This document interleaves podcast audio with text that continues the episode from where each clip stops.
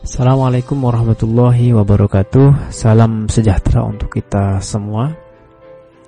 Pada kesempatan hari ini Saya akan berbicara tentang Servo mekanisme Ini adalah tema yang tidak banyak diketahui oleh masyarakat Tapi memiliki Peran yang sangat penting Dalam kehidupan seseorang saya berikan ilustrasi sebelum saya menjelaskan tentang servo mekanisme ini.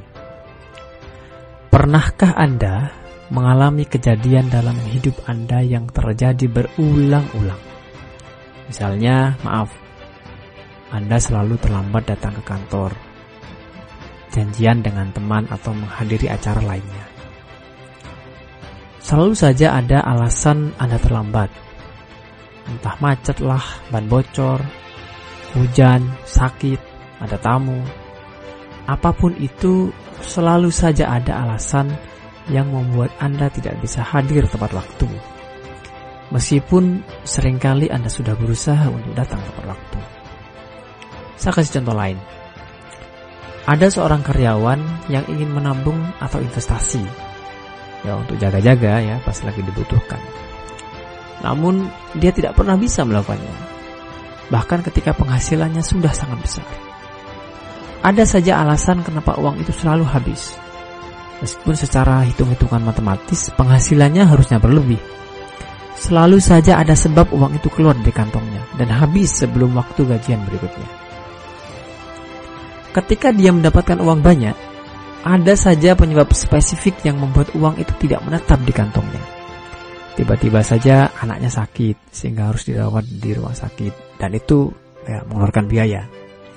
Atau keluarganya di kampung mendapatkan masalah keuangan sehingga uangnya mengalir ke sana. Jika tidak begitu tiba-tiba saja ya terbesit di pikirannya rumahnya yang ter, yang baik-baik saja terlihat tidak menarik sehingga dia merenovasinya mengganti keramik yang sebenarnya masih layak menambah kamar lah, mempercantik kamar mandi, merenovasi dapur. Ada saja alasan yang tanpa disadari menguras kantongnya. Tiba-tiba saja uangnya habis di tengah bulan dan seperti biasa dia tidak bisa menabung dan kekurangan uang. Apa itu penyebabnya? Itu semua karena servo mekanisme yang ada di pikiran bawah sadar. Anda memiliki servo terlambat dan karyawan tersebut memiliki servo kantong kosong. Maaf, mungkin Anda tersinggung ya, agak lugas. Tapi itulah faktanya dan terjadi pada banyak orang tanpa mereka sadari dan tanpa mengetahui akar penyebabnya.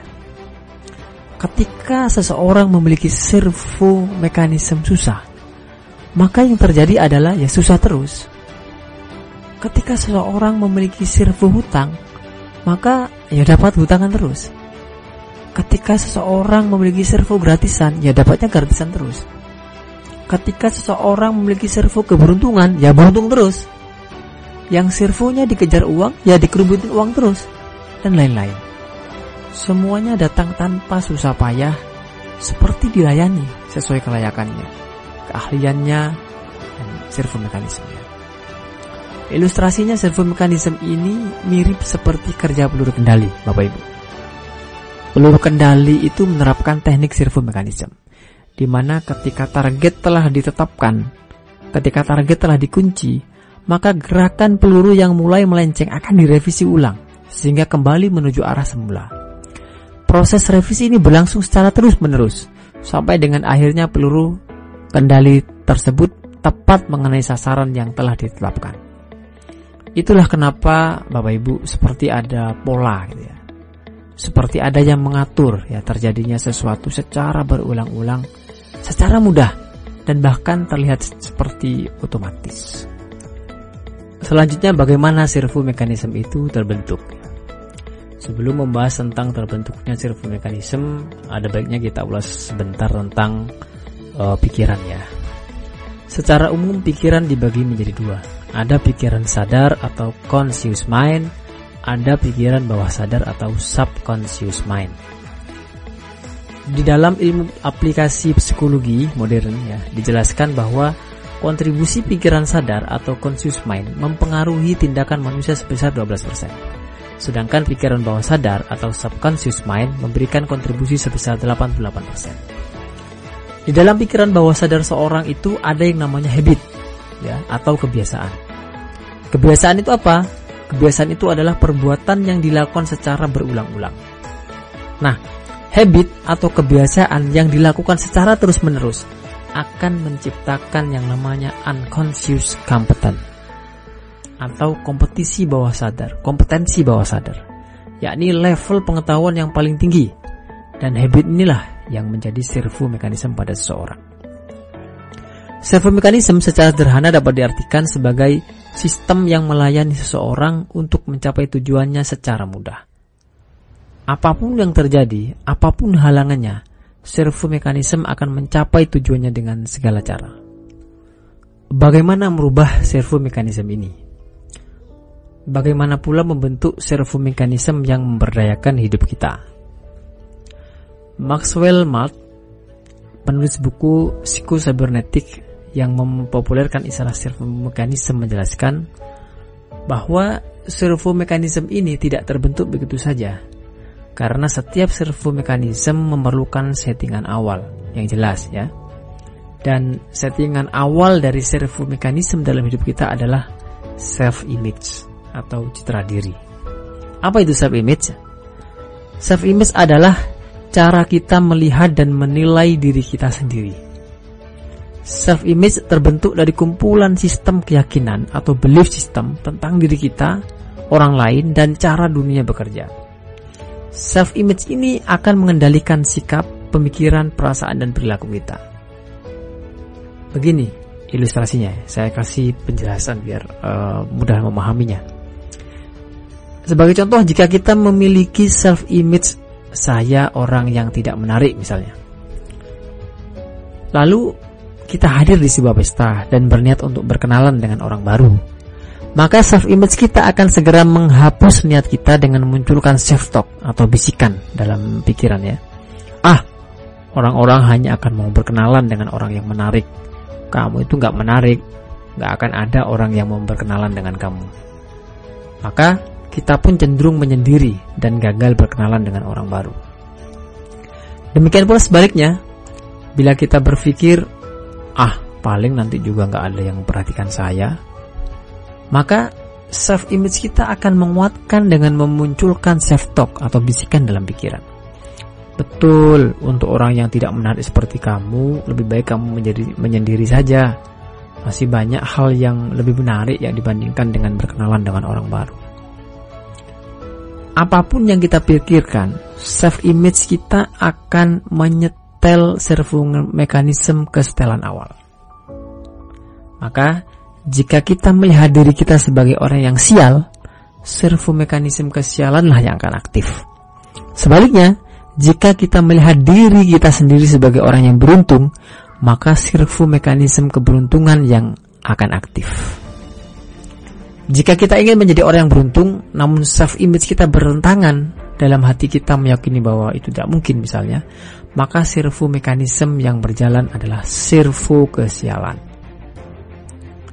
Jika kita ingin menjadi orang yang sukses, namun self image kita, citra diri kita bertentangan, dalam hati kita meyakini bahwa itu tidak mungkin misalnya, maka servo mekanisme yang berjalan adalah servo kegagalan.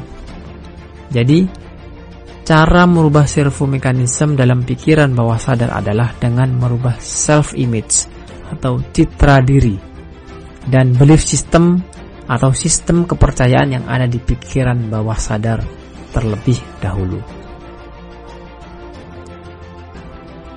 Kita lanjutkan dengan membahas apa itu belief system atau sistem kepercayaan. Citra diri seseorang atau self-image itu dipengaruhi oleh sistem kepercayaan atau belief system yang ditanam dan diserap oleh seseorang dari orang tua dan lingkungannya. Baik itu berupa pengetahuan, konsep, ide, gagasan, doktrin, dan kepercayaan. Citra diri atau self image dan belief system itu menghasilkan kompetensi bawah sadar. Kompetensi bawah sadar menghasilkan servo mekanisme dan servo mekanisme menghasilkan hasil atau garis hidup seseorang. Seseorang yang memiliki keyakinan bahwa orang tuh orang kaya itu pelit, uang itu penyebab perpecahan keluarga, orang kaya itu lama hisapnya, ya kan?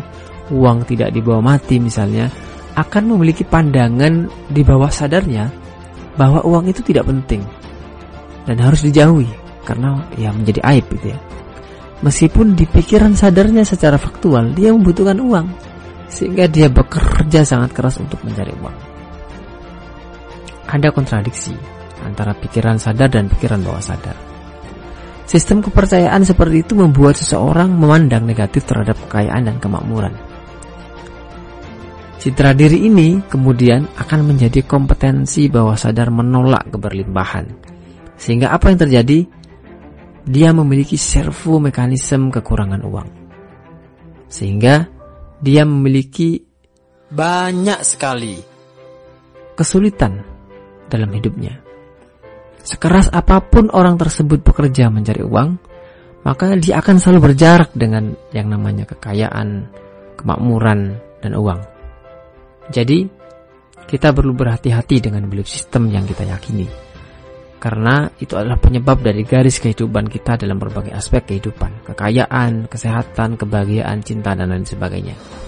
Dan ironisnya, kita sendiri ya yang menciptakan uh, garis itu. Dalam hukum keyakinan berbunyi, apa pun yang kita yakini dengan penuh akan menjadi kenyataan. Kita urai lagi ya tentang belief system ini karena ini sangat penting artinya pemahaman tentang belief system ini bagi kehidupan seseorang. Sistem keyakinan atau belief system itu ada dua. Ya. Ada sistem keyakinan yang memberdayakan atau self-empowering belief dan ada sistem keyakinan yang membatasi self-limiting belief. Nah, perlu diingat keduanya ini adalah sesuatu yang mungkin ada di uh, pikiran bawah sadar kita. Ciri-ciri kepercayaan yang membatasi diri atau self-limiting belief misalnya uh, merasa tidak mau, tidak mampu mengerjakan sesuatu, merasa rendah diri, itu kan, minder, merasa mudah sakit, selalu berorientasi pada masa lalu, menutup diri dengan perubahan, mudah menyalahkan orang lain, blaming, dan lain-lain. Sebaliknya, ciri-ciri kepercayaan yang menguatkan, yang memberdayakan atau self-empowering belief, misalnya keyakinan bahwa kita bertanggung jawab terhadap apa yang terjadi pada diri kita, bersikap optimis dan terbuka dengan perubahan, keyakinan bahwa diri ini adalah sebagai makhluk ter, terbaik gitu ya, sebagai khalifah di muka bumi, memiliki rasa percaya diri terhadap kemampuan diri sendiri. Sekarang bagaimana cara menginstal self image itu? Ada salah satu metode yang sangat efektif untuk menginstal self image atau citra diri di pikiran bawah sadar. Metode itu disebut dengan craft. Craft adalah singkatan dari cancel, replace, affirm, focus, dan train. Teknik ini sangat efektif dalam membentuk self-image. Misalnya untuk membentuk self-image tentang kemakmuran di pikiran bawah sadar. Yang kita harapkan nantinya self-image ini akan mendukung segala langkah kita untuk benar-benar menjadi sukses. C adalah cancel. Segera lakukan pembatalan secara aktif jika kita melakukan self-talk yang bersifat sabotase. Dalam hal ini adalah seluruh self-talk yang mengatakan kita miskin, susah, tidak punya apa-apa, dan lain sebagainya. R adalah replace. Segera pada kesempatan pertama lakukan penggantian dengan kata atau kalimat yang memberdayakan. Misalnya, saya dikaruniai kekayaan yang luar biasa banyaknya. Saya pribadi yang sangat kaya dan seterusnya. Setelah itu, lakukan afirmasi ya afim afirmasi yang dimaksud bukan hanya kata-kata afirmasi tetapi juga dapat berupa gambar ya kan? Untuk mengimajinasi ya suara yang berkait dengan self image kemakmuran. Termasuk perasaan-perasaan positif yang terkait dengan kemakmuran ya citra diri kita. Yakni eh, persepsi kita ya terhadap kemakmuran. Kemudian lakukan fokus ya. Menyediakan waktu secara khusus dan menggunakan teknik khusus. Dalam hal ini self hypnosis ya yang bagus ya. Self hypnosis adalah uh, kita sendiri yang menghipnosis diri kita ya. Ntar kita jelaskan. Self hypnosis ini adalah salah satu teknis teknik khusus untuk memasukkan konsep mengenai kemakmuran sesuai dengan yang uh, sesuai dengan yang kita inginkan. Setelah itu train ya. Yang terakhir train. Bersikap seakan-akan kita benar-benar telah hidup kaya berkelimpahan. Sesuai dengan apa yang kita inginkan. Jadi mengimajinasikan diri kita gitu kan bahwa kita ini sudah makmur ya. Bukan akan makmur tapi sekarang ini sudah makmur. Imajinasi.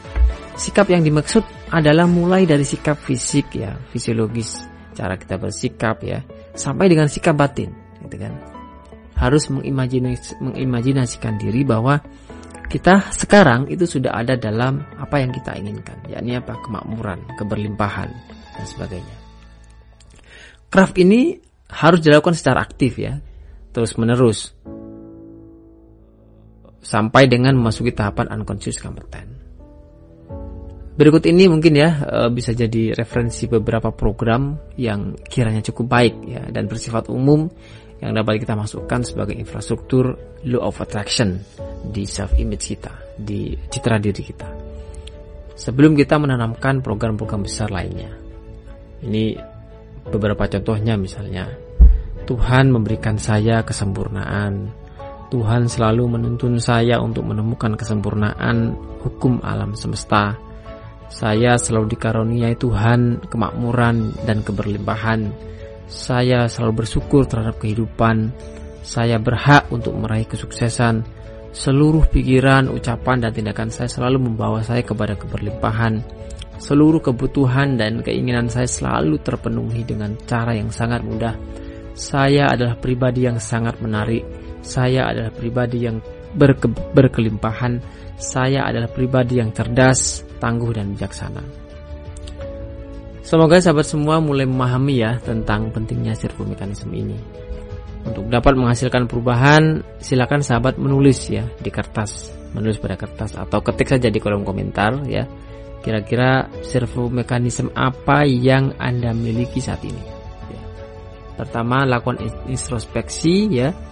Servo apa yang kira-kira ada pada diri Anda saat ini? Seperti yang disampaikan bahwa terjadinya sesuatu secara berulang-ulang baik itu eh, kesulitan-kesulitan dalam hidup, ya kan? Eh, kenikmatan-kenikmatan dalam hidup itu yang terjadi secara berulang-ulang. Kemudian mulailah melakukan craft ya untuk melakukan setting ulang pada self image anda. Ya, craft tadi teknik untuk e, merubah self image tadi. Lakukan secara terus menerus hingga anda mendapatkan self image yang Anda inginkan. Baik, sampai ketemu lagi ya pada materi selanjutnya. Salam sukses, sehat dan berlimpah. Saya Muhammad Aliul Hadi. Assalamualaikum warahmatullahi wabarakatuh.